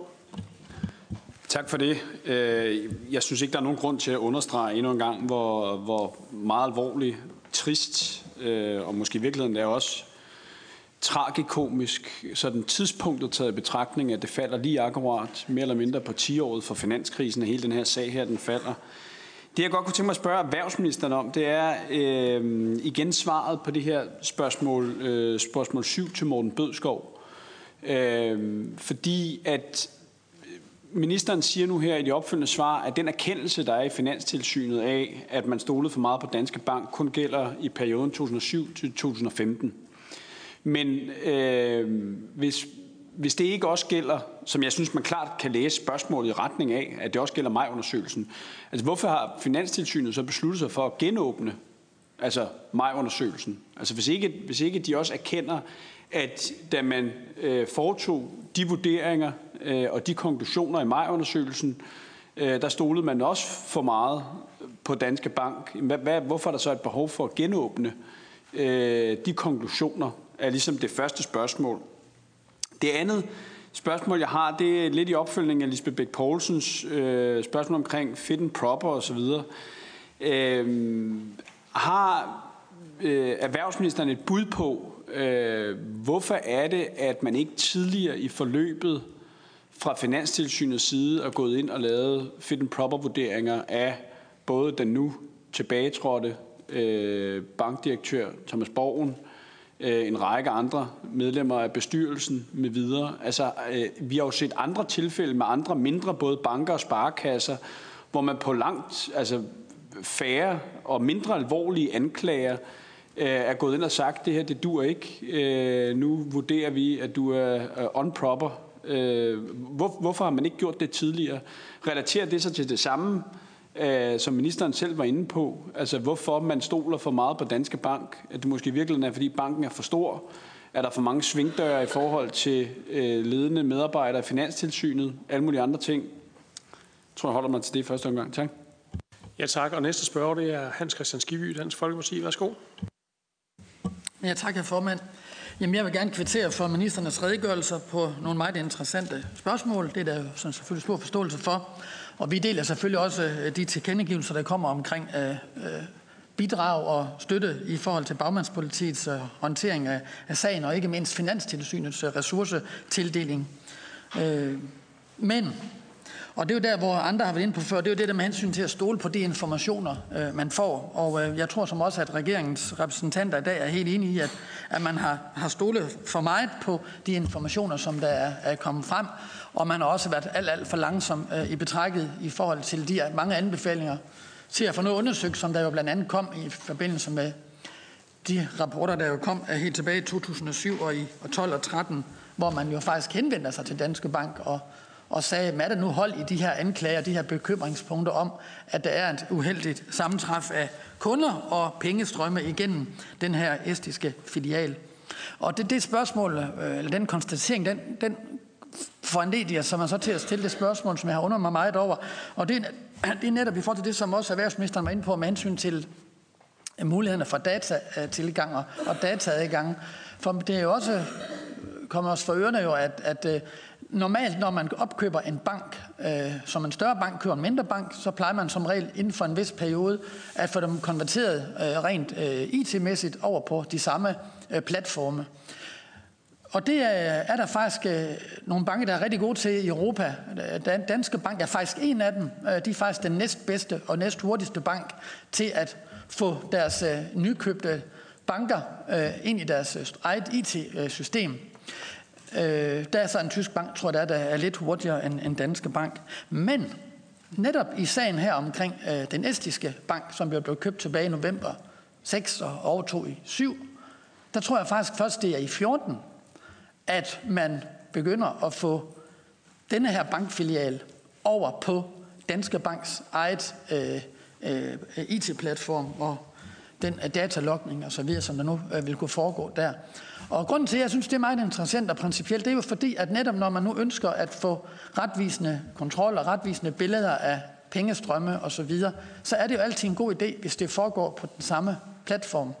Det gør det også meget nemmere for øh, de virksomheder, som skal foretage den eksterne revision af deres øh, selskaber, Øh, og deres øh, regnskaber. Og øh, det var der, hvor erhvervsministeren var inde på, at Erhvervsstyrelsen jo så undersøger det i øjeblikket, og har sat en undersøgelse i gang, i hvert fald i sidste uge, omkring, øh, om der er noget øh, også i forhold til, til det jeg synes, det er en konstatering af, at, at det kunne være gjort bedre, og det er selvfølgelig Danske Banks egen øh, folk, der skulle have fået deres øh, estiske filial over på, på den fælles øh, øh, IT-platform på et langt, langt tidligere tidspunkt. Men jeg kunne godt tænke mig også at få øh, ministeren til at, at evaluere lidt over omkring ikke. Det vil være meget hensigtsmæssigt, for vi skal også prøve at lære af det her øh, fremadrettet, at vi stiller nogle klare krav til, hvordan skal øh, opkøbte banker i udlandet kobles op til inden for en vis tidsperspektiv på de IT-platforme, som der foregår, hvis det er banker, der er registreret øh, som værende danske. Der synes jeg måske godt, man kunne, om ikke en højne øh, troværdigheden, hvis man får øh, sat nogle mere klare linjer for det, fordi altså, hvis de først har gjort det i 2015, så har de jo så haft øh, 7-8 år til at komme over på en, en anden IT-platform. Øh, og det er faktisk unormalt, også for Danske Bank, som sagt. Så det vil jeg gerne have ministeren til at kommentere på. Tak. Ja, tak. Og den sidste spørger i den her runde, det er Rune Lund fra Enhedslisten. Værsgo. Tak for det. I forhold til om, og det er først erhvervsminister, om Finanstilsynet har benyttet de værktøjer, man, man, man kunne bruge, så spiller det jo også en rolle i hvilket omfang Danske Bank har samarbejdet med Finanstilsynet. Og der kan man jo, når man læser rapporten fra 3. maj, jo helt klart se, at øh, Finanstilsynet er særdeles utilfreds med, at man har måttet spørge om samme emner flere gange for at få fyldeskørende svar og spørge om bankens kendskab til yderligere sager som følge af mangelfuld øh, orientering.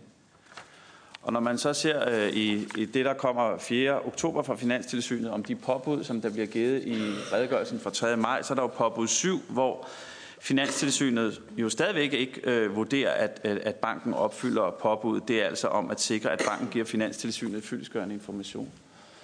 Øhm, og det rejser jo spørgsmålet for det første, om man så har, har, har brugt de, de muligheder, man havde. Altså om man ikke bare kunne gå ud og tage oplysningerne selv. Og det er klart, der er noget, der er foregået i Estland, men der er jo, det står klart for os alle sammen, der er også en hel del, der er foregået her i København, øh, som, som myndighederne burde have været inde i meget tidligere.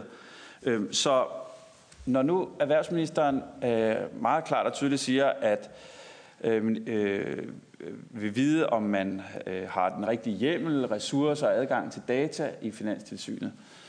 Øhm, og det er jo godt i forhold til det fremadrettede, men har ministeren også sagt til Finanstilsynet, at med den hjemmel og den adgang, man har nu, at man øh, skal benytte sig af de muligheder, som man allerede har i dag, i højere grad, end man har gjort. Har ministeren sagt det til Finanstilsynet, og har ministeren viden om, at grunden til, at man i Finanstilsynet ikke har gjort det, at det er helt eller delvist er et spørgsmål om manglende ressourcer i Finanstilsynet. Altså, man har været nødt til at stole på, hvad der kom fra banken, fordi man ganske enkelt ikke havde musklerne og kræfterne til selv at gå ud og hente oplysninger. Og har det været afgørende helt, eller, det, helt eller delvis for, at man har handlet, som man har gjort, eller rettere, at man ikke har handlet, som øh, man måske skulle have gjort.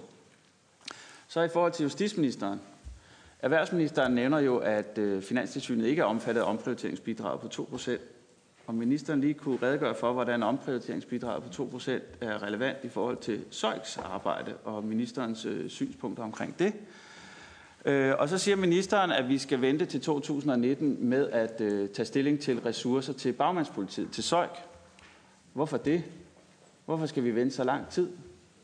Hvorfor skal vi ikke gøre noget nu?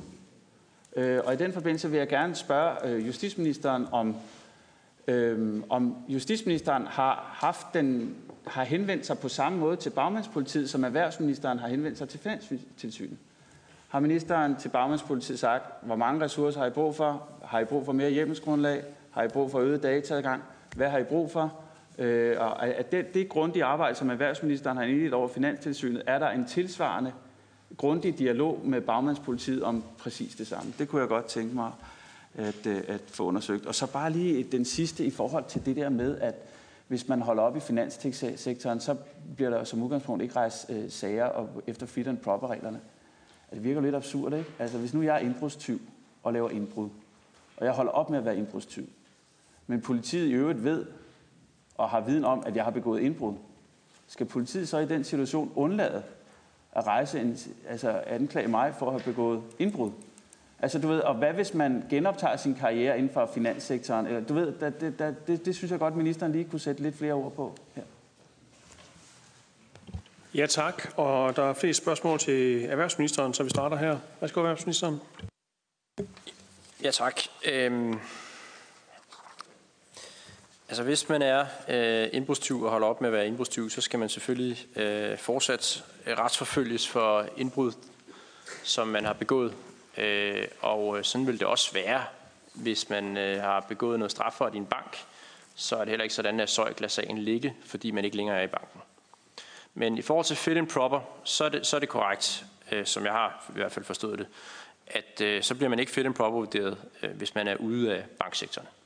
Men hvis man kommer tilbage, som Rune Lund nævner, så får man ikke lov at være bankdirektør igen. Altså det er det, en fit and proper vurdering går ud på. Må du være bankdirektør, eller må du ikke være bankdirektør? Og den ret til at være bankdirektør kan du så blive frataget ved en fit and proper vurdering. Eller andre nøglepositioner. Det gælder ikke kun direktørerne, det gælder også en række andre nøglepersoner, og vi har jo udvidet det her for nylig med vores, øh, vores politiske aftale, at der nu er flere personer, der bliver fit and proper vurderet. Ligesom det er også gradvist over flere gange har skærpet fit and proper reglerne her i de senere år. Men det gælder altså i forhold til retten til, om man må besidde, eller bestride nøglepositioner i, øh, i pengeinstitutter. Og, øh, og det, det er i sagens natur kun en vurdering, som bliver foretaget, hvis man er i spil til at bestride en nøgleposition i et pengeinstitut. Men, men det betyder ikke, at man så kan slippe afsted med at have begået noget strafbart, fordi det der bagmandspolitiet så tager over og øh, fører en straffesag, hvis der er grundlag for det. Og det er jo det, de er i gang med at undersøge, om der er noget grundlag for at holde øh, individer i Danske Bank ansvarlig øh, strafferetligt og retsforfølge dem. Og den stopper ikke, fordi man er ude af banken. Øhm, så øhm, spurgte, nu tager jeg det lige bagfra for at øhm, gøre Øh, spørgsmål for Rune Lund færdig, om jeg har sagt til Finanstilsynet, at nu skal de bruge nogle bestemte redskaber. Det har jeg ikke, fordi den beføjelse har jeg ikke. Jeg har ikke instruktionsbeføjelse over for Finanstilsynet. Det er en uafhængig myndighed, som er egen drift iværksætter øh, undersøgelser. Derfor kan jeg ikke gå ned til dem og sige, nu skal I gøre sådan og sådan. Min opgave er at sikre, at der er nogle gode rammer for, at de kan udføre deres arbejde. Folketinget og regeringen sammen har ansvaret for at sikre, at der er en tilstrækkelig hård øh, vidværslovgivning. Det har vi sikret nu, og vi må nok erkende også, det synes jeg også er et fælles ansvar, som vi må tage på os. Også tidligere regeringer og tidligere flertal, der sidder i Folketinget, i og med at det her har kørt over mange år, må jo tage på os sammen, at vidværslovgivningen har ikke været stram nok tidligere. Og det er også derfor, vi så har strammet den over flere omgange, og senest en meget markant stramning, som vi lavede i finansielle forligskreds her i september, hvor vi nu får formentlig Europas strammeste hvidvasklovgivning. Så det er jo en opgave, vi har, at sikre en stram lovgivning. Så har vi til opgave at sikre, at der er de ressourcer til øh, myndighederne, som de skal bruge. Øh, og det synes jeg, regeringen har tilgængivet øh, så klart vi overhovedet kan, at øh, de ressourcer vil der være. Både justitsministeren og jeg har sagt det jo mange gange. Øh, og så har vi selvfølgelig også en vurdering at hjælpe med, jamen kan vi sikre, at der er nogle bedre arbejdsgange, bedre samarbejde mellem myndighederne. Øh, de har den hjemmel, de skal bruge, dataadgang osv., nogle af de ting, jeg har nævnt. Det er jo de rammer, vi kan sætte op for myndighederne. Men derfra, så er det uafhængige myndigheder, som er egen drift iværksætter undersøgelser, og ikke noget, som øh, ministre instruerer dem til at gøre. Og derfor har jeg ikke sagt til dem, at nu skal de gøre, øh, tage bestemte skridt i forhold til deres øh, undersøgelser. Øhm, så så øh, øh, bemærker Hans Christian Skiby, at øh, det nok havde været hensigtsmæssigt, hvis den estiske filial havde været koblet op på Danske Banks øh, IT-systemer. Og det tror jeg også, øh, banken selv har erkendt, at det havde nok været så dels øh, hensigtsmæssigt, så man havde opdaget øh, det, øh, den øh, situation, der var derovre, og øh, alt af de utrolig mange øh, mistænkelige transaktioner, som har været i den estiske filial. Det er jeg sådan set fuldstændig enig i.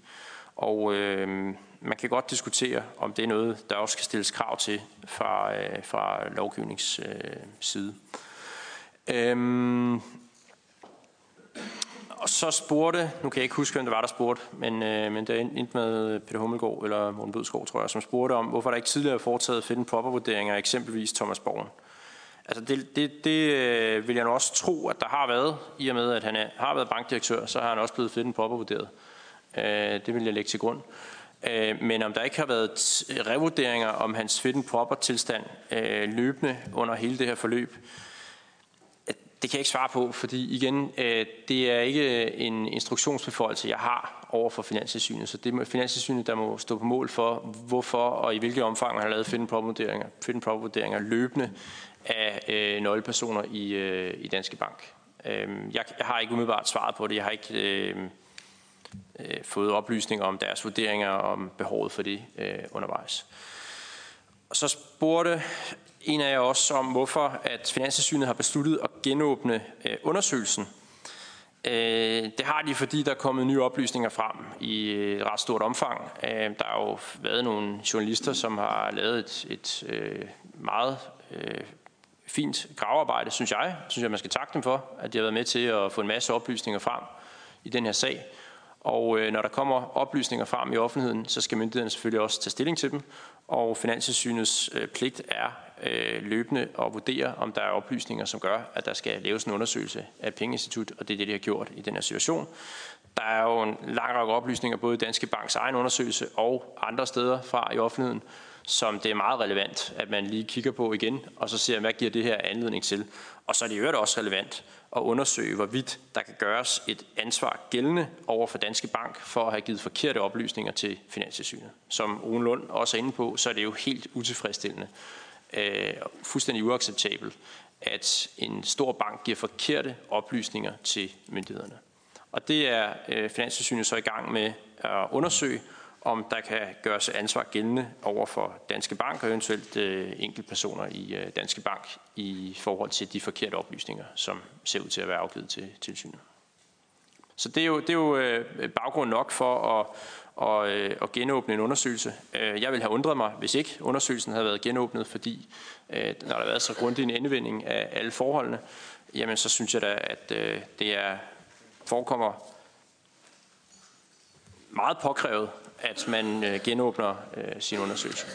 og det er jeg øh, meget tilfreds med. Jeg er meget tilfreds med, at der er tre myndigheder, som er i gang med at indvende den her sag, altså både Finanstilsynet, Erhvervsstyrelsen og Bagmandspolitiet.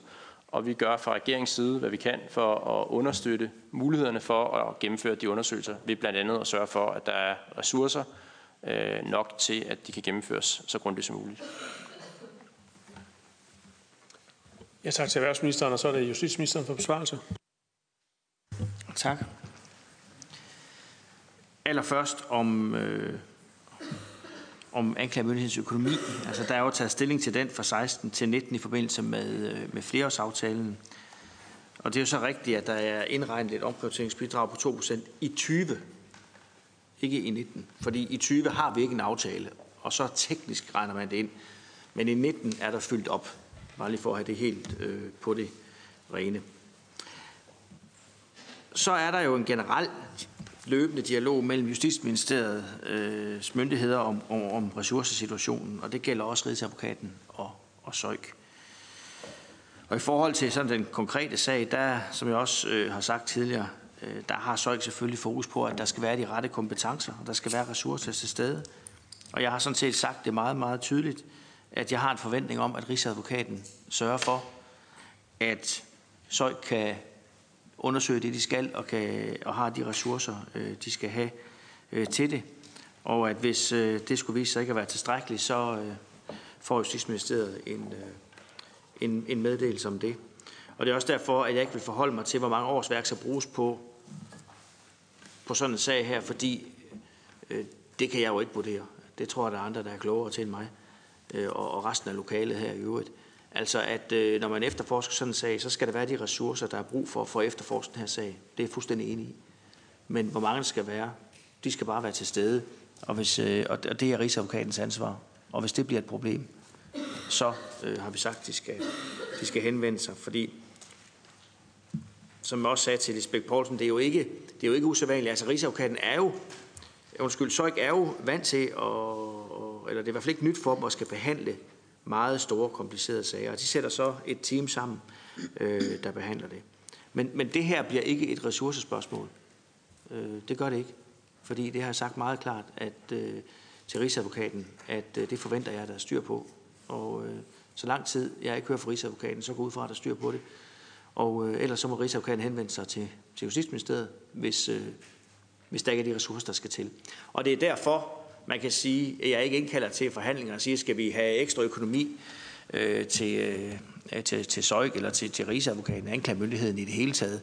Det må vi tage i flereårsaftalen, men det er bare vigtigt, at, at det skal jo ikke være sådan, at øh, Søjk ikke kan efterforske sagen, fordi det mangler ressourcer. Og den melding har jeg givet meget klart. Ja tak, så har vi et kvarter tilbage, og jeg har fire spørgere på listen, og ministeren skal have mulighed for os at besvare de spørgsmål, og så skal der også være en afsluttende bemærkning fra de to samrådsspørgere.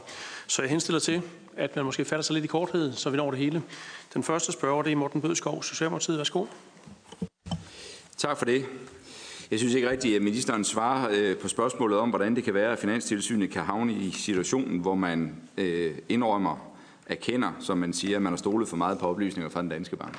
Årsagen til at spørge, det er jo fordi, at der er jo, som ministeren selv siger, en særlig konstruktion omkring Finanstilsynet. Både med betalingen for deres arbejde, som betales af finanssektoren selv, og også med en bestyrelse, som i høj grad er sammensat på baggrund af repræsentanter, der enten har været eller er i finanssektoren. Og der er det klart, at når ministeren nu siger, at spørgsmål om, hvad er det for undersøgelser, der skal sættes i værk, de nu skal vendes på bestyrelsesniveau, så er det jo klart, at så er spørgsmålet jo relevant om, hvordan kan det være, at man kan havne i en situation, at man stoler for meget på oplysninger, man får fra Danmarks største bank? Er det noget med en af 10 i systemet? Det er det, som vi gerne vil have ministeren til at forholde sig til. Er der et problem? Ser ministeren et problem med det? Øh, det er det, vi gerne vil have ministeren til at forholde sig til. Og så svarede ministeren heller ikke på spørgsmålet om, om om øh, tilsynet har benyttet sig af de muligheder, de værktøjer, man har, altså øh, uden retskendelse, øh, og henvende sig til en bank og få de oplysninger, man mener, der begrunder, at der er begået en kriminel handling, uden retskendelse. Årsagen til at spørge, det er fordi, at når man læser maj-redegørelsen, så står der jo øh, på, for, på forsiden af redegørelsen, at vurderingerne at de påbud det så endte med, at de fik vurderinger af øh, øh, den danske banks ledelse og styringen af hvidvasksagen i den estiske filial, e, e, estiske filial er baseret på det materiale, og så kommer det så, som Finanstilsynet har fået, har fået fra banken. Så, altså, så jeg synes jo, det tegner et billede af en undersøgelse, som ikke helt står mål med det omfang, den her skandale har. Og det er sådan set bare det, vi gerne vil have at vide. Øh, om ministeren deler det, den opfattelse, og hvad han så har tænkt sig at gøre ved det. Det andet er så til justitsministeren, fordi jeg synes, justitsministeren slipper lige, øh, lige lovligt frisk hen over spørgsmål om øh, ressourcer. Øh, øh, sidst ministeren var på besøg, sagde ministeren, at hvis der manglede ressourcer, så var der ikke nogen problem med det. Så ville man møde op og snakke med forligskredsen om det. Der mødte ministeren så ikke op, men sendte sine øh, gode repræsentanter. Øh, og så siger ministeren så også, at det ikke er et spørgsmål om, ressourcerne skal være til stede. Det skal de, det han, sagde han lige nu. Øh, og det er, ikke spørgsmål, det er ikke ressourcer, der bliver spørgsmålet.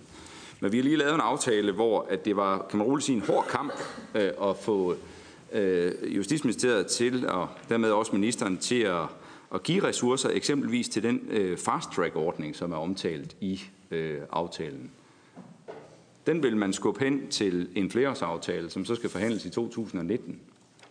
Og med det, man ved om sådan et system, hvor lang tid det kan tage at få sådan en fast-track-ordning i gang osv., ja, der kan det jo godt gå et år efter, at den aftale om flereårsaftalen er lavet. Så er vi hen i 2021, inden sådan noget havde kommet til at virke.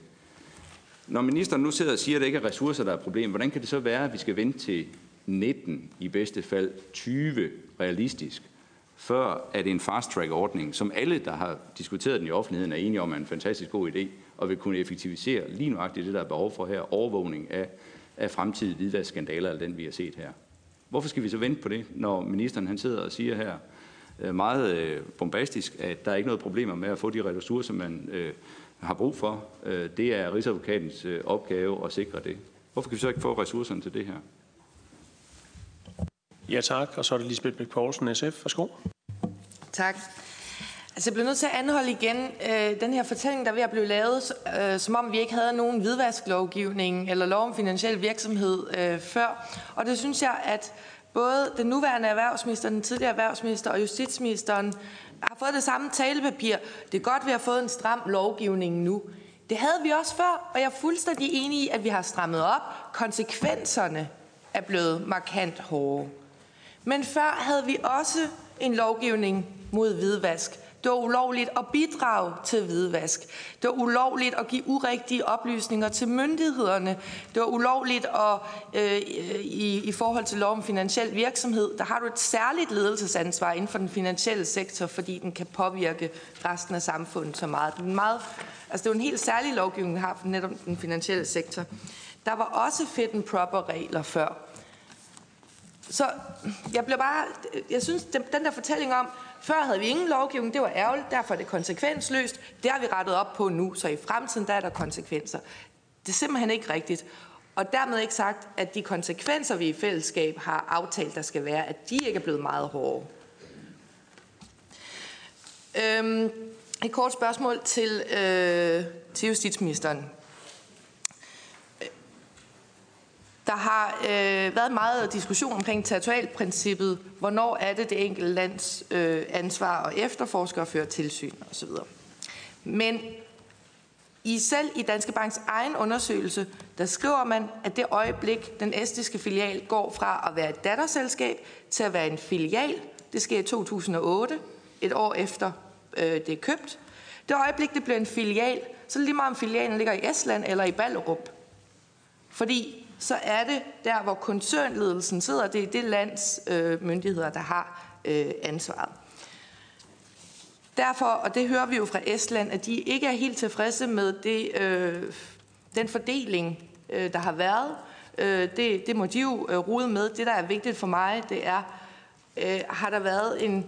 Altså, den forvirring, vi har oplevet, der har været om, hvilke lands øh, myndigheder øh, og tilsyn, der har øh, haft øh, ansvaret, hvordan har det, øh, har det været på plads? Har det været klokkeklart hele tiden? Derfor vil jeg gerne spørge justitsministeren. I den telefonsamtale, justitsministeren havde med sin estiske kollega, den estiske justitsminister, kom det der op i løbet af telefonsamtalen, det her med, øh, hvem der har ansvaret for, for hvad.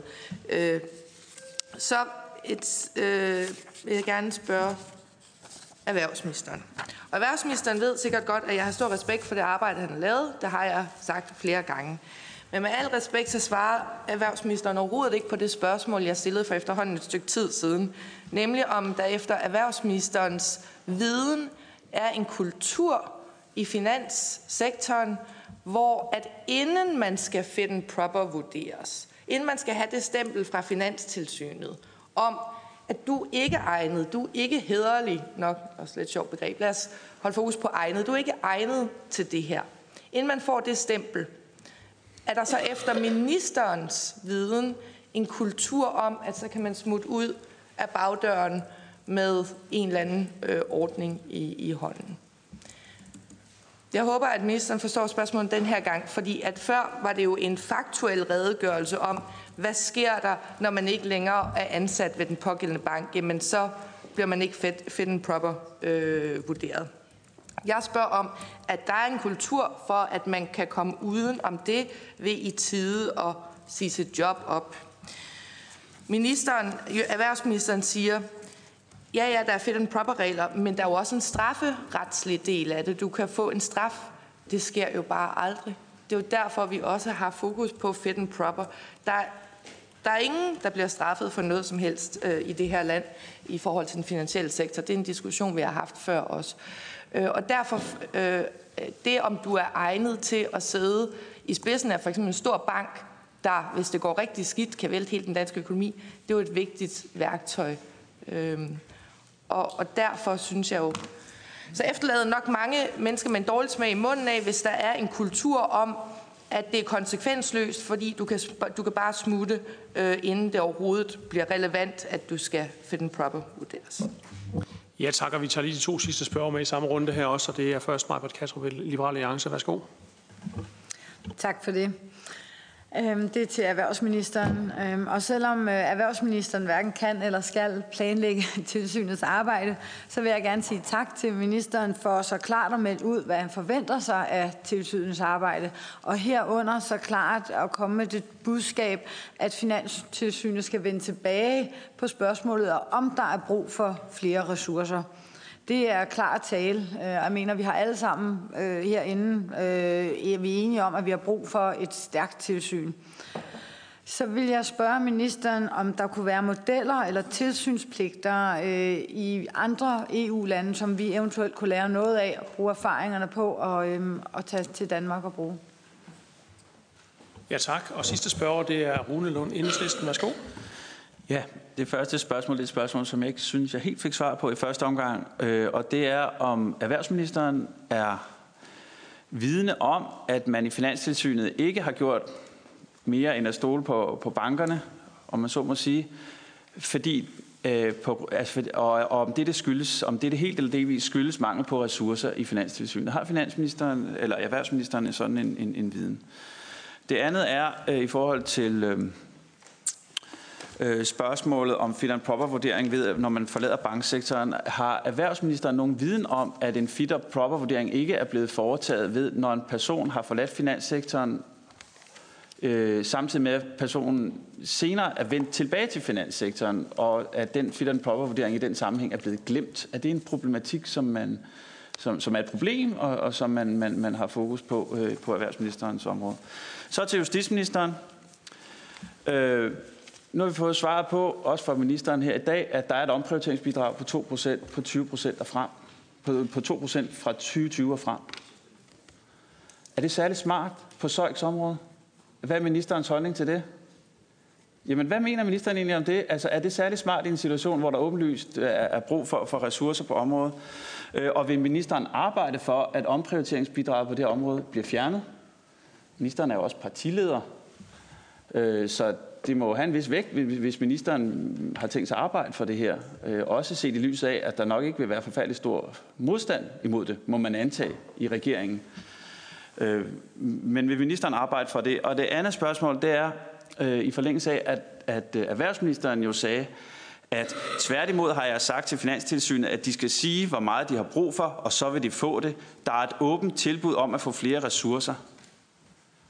Har justitsministeren sagt det samme til Søjk? Altså, er der et åbent tilbud om at få flere ressourcer til Søjk? Altså, hvad, har justitsministeren den samme dialog med, med Søjk, som, som erhvervsministeren har med Finanstilsynet? Jeg skal høre fra erhvervsministeren, om Rune Lund måske lige kunne stille det første spørgsmål ganske kort igen. Han hørte det ikke heroppe. Nå, okay. Har ministeren øh, viden om, om øh, Finanstilsynets øh, manglende brug af inspektion eller andre værktøjer, end at bare at øh, bruge de oplysninger, som Danske Bank selv har leveret? Om det helt eller delvist skyldes mangel på ressourcer i Finanstilsynet? Tak skal du have, hr. Rune Lund. Og så er det første erhvervsministerens besvarelse. Det har jeg ikke viden om, at det skulle gøre. Øhm, der er ikke nogen, der har sagt til mig, at øh, det her ikke er blevet undersøgt grundigt nok, fordi der har manglet ressourcer. Det kan jeg sige helt klart. Øhm, jeg har heller ikke kendskab til, at der skulle være glemt øh, fit and proper vurderinger. Øhm, og for begge de to svar her gælder det, at altså, jeg kan ikke udelukke, at det kan være tilfældet, men der er ikke nogen, der har sagt det til mig, at det skulle være tilfældet. Øh, og jeg har ikke indtryk af, at det skulle være tilfældet. Øh, men jeg har ikke øh, viden om, at en fit and proper vurdering skulle være glemt, fordi den var foregået i, øh, i fortiden, når man så er kommet ind i en bank i, igen, hvis jeg forstår spørgsmålet korrekt. Øhm, så spørger øh, Lisbeth Bæk Poulsen her om, øh, eller konstaterer, at hvidvask hele tiden har været ulovligt, og forkerte oplysninger til myndighederne hele tiden har været ulovligt, og det er korrekt. Øh, det, har det, det har aldrig nogensinde været lovligt at, at lave hvidvask. Øh, der er løbet blevet strammet op på mulighederne for at øh, holde bankerne ansvarlige for det, men det er jo fuldstændig rigtigt, at det hele tiden har været ulovligt. Ingen tvivl om det. Altså det, der strammer meget op på, det er jo kravene til, hvad for et setup kræver vi, at bankerne skal have på plads for at forhindre hvidvask. Fordi sagen er jo her, at øh, det, som, som man sådan kan forvente at holde bankerne til ansvar for, det er deres setup for at forhindre hvidvask. Fordi det er så vanskeligt at spore de enkelte transaktioner fra start til slut gennem mange forskellige lande og finde ud af, hvilke forbrydere i Rusland har sendt penge afsted, og hvad er det for en kriminalitet, de har begået, og hvem har modtaget penge i sidste ende i Azerbaijan, inden det har været forbi Iran og Kina. Øh, så, så, så det kan være øh, ret vanskeligt, og, og hvis vi kun kunne dømme bankerne for øh, reel hvidvask, så vil vi have et problem, og det er derfor, vi har strammet reglerne rigtig meget, så vi også kan straffe bankerne, hvis de ikke gør nok for at forhindre hvidvask. Men, men helt sikkert, det har hele tiden været, øh, været ulovligt. Og øh, spørger øh, Lisbeth Bæk Poulsen, om jeg har kendskab til, at der skulle være en kultur, hvor man, hvis man hvis man tror, at man er på vej til at blive øh, erklæret uegnet til at sidde i spidsen af en bank, at man så tager ud af bagdøren med et gyldent håndtryk. Er det korrekt øh, gengivelse af spørgsmålet? Fordi jeg er meget sikker på, at jeg svarer rigtigt, så jeg ikke bliver beskyldt for ikke at svare. Om, ja, undskyld. Øhm, om, om, det, om det efter ministerens viden sker ofte, at mm. man øh, fra Finanstilsynet måske er på vej til at få et stempel om, at man ikke er fit and proper. Mm. Øh, det får man kendskab til, og så i stedet for, så forlader man det, øh, det sted, man, man arbejder. Det har jeg ikke kendskab til, at det skulle være. Øhm, jeg, øh, altså jeg vil sige generelt her, at også i forhold til Morten Bødskov, hvordan kan det være, at Finanssynet havner i den situation, at man har stolet for meget på Danske Bank? Altså, det, er jo det som jeg, jeg, jeg har prøvet at gøre klart her, det er, at det finder jeg også dybt utilfredsstillende.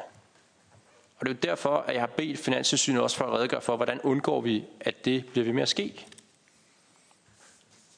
Og, og, øh, og det er altså ikke noget, oppositionen har monopol på at være utilfreds med, at der ikke er blevet grebet ind over for det her tidligere fra myndighedernes side. Det deler jeg. Og jeg, jeg, jeg synes jo, det ville være helt håbløst at skulle sidde her som minister. Jeg kan slet, slet ikke se nogen grund til, at jeg skulle sidde her som minister og sige, at alt har kørt perfekt, og, øh, og stå på mål for det hele. Altså jeg er mest optaget af, at vi har nogle folk i vores myndigheder, som er villige til at lære det her forløb, og sørge for, at vi får strammet op, og at vi har et så effektivt tilsyn som muligt.